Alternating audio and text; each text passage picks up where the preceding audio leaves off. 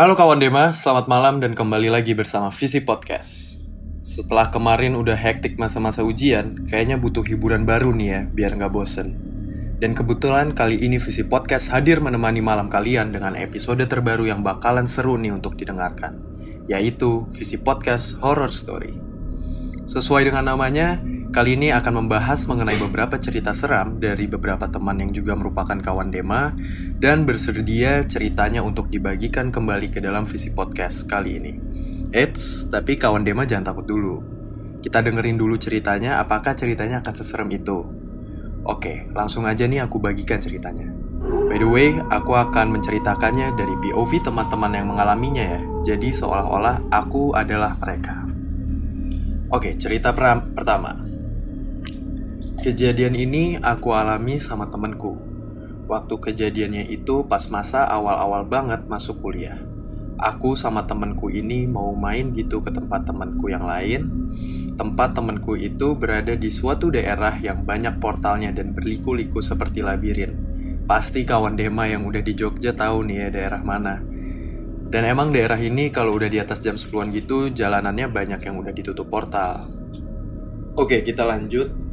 Jadi aku dan temenku ini boncengan naik motor dan itu udah lumayan malam. Padahal kita belum begitu apal jalan. Kita juga nggak tahu kalau daerah itu di atas jam 10-an jalanannya banyak yang ditutup portal. Dengan ketidaktahuan itu, kita pun OTW ke tempat temenku.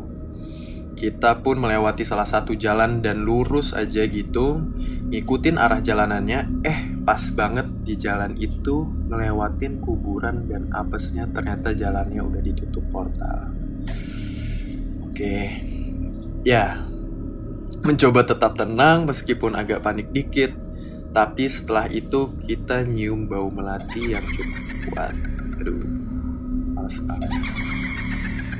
Tapi pas itu kita nggak berani ngomongin bau itu. Kita pun muter-muter ke sana kemari berusaha mencari dan menyusuri jalan lainnya untuk keluar secepatnya menuju tempat temanku itu. Akhirnya setelah kejadian itu berlalu kita pun saling cerita dan ternyata emang benar Katanya banyak yang lewat di daerah situ juga dan mencium bau melati yang sama Cukup merinding ya Oke, okay, next cerita yang kedua.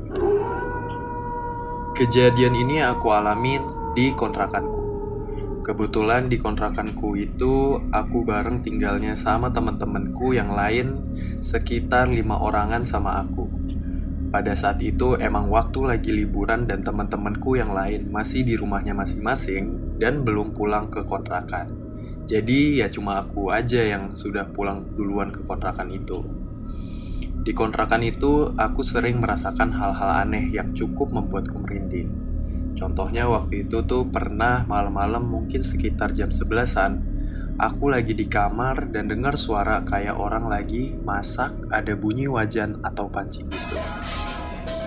Karena emang posisi kamar aku tuh emang deket sama dapur, tapi masalahnya saat itu tuh di kontrakan cuman aku sendiri dan gak ada temen-temenku ataupun orang lain. Siapa? main panci sama wajan. Selain itu, aku juga sering mencium bau darah dan bu bau bunga melati yang bikin nambah aku jadi takut. Akhirnya untuk menghilangkan rasa takut itu, aku cat aja temenku semua untuk nemenin aku dan suruh mereka supaya cepetan pulang biar aku nggak sendirian lagi.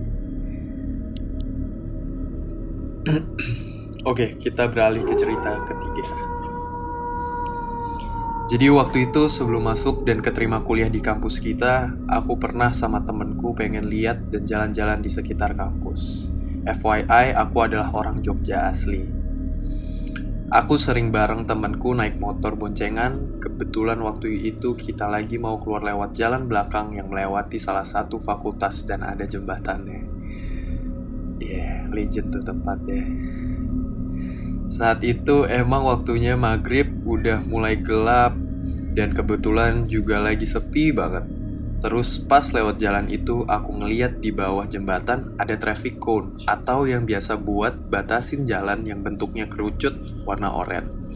Tapi aku lihat ada mbak-mbak juga yang lagi duduk menekuk dan memeluk kakinya di atas traffic cone itu.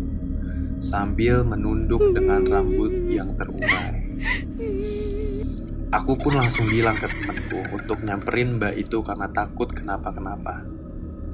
Tapi ternyata pas kita mau samperin mbak-mbaknya udah nggak ada dan di situ emang nggak ada siapa-siapa.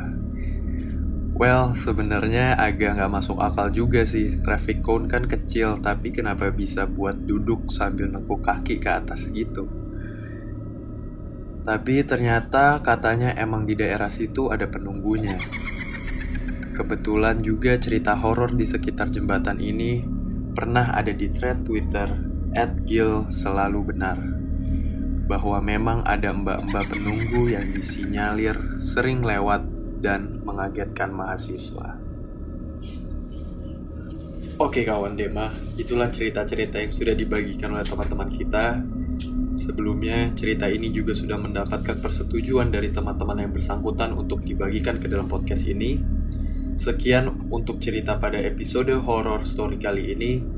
Terima kasih kepada teman-teman yang telah berbagi cerita dan juga kawan Dema yang sudah setia mendengarkan visi podcast. Dan jangan lupa juga untuk tetap menjaga sopan santun di mana pun kita berada ya kawan-kawan Dema. Karena we are not alone. Sampai jumpa kembali di visi podcast episode selanjutnya.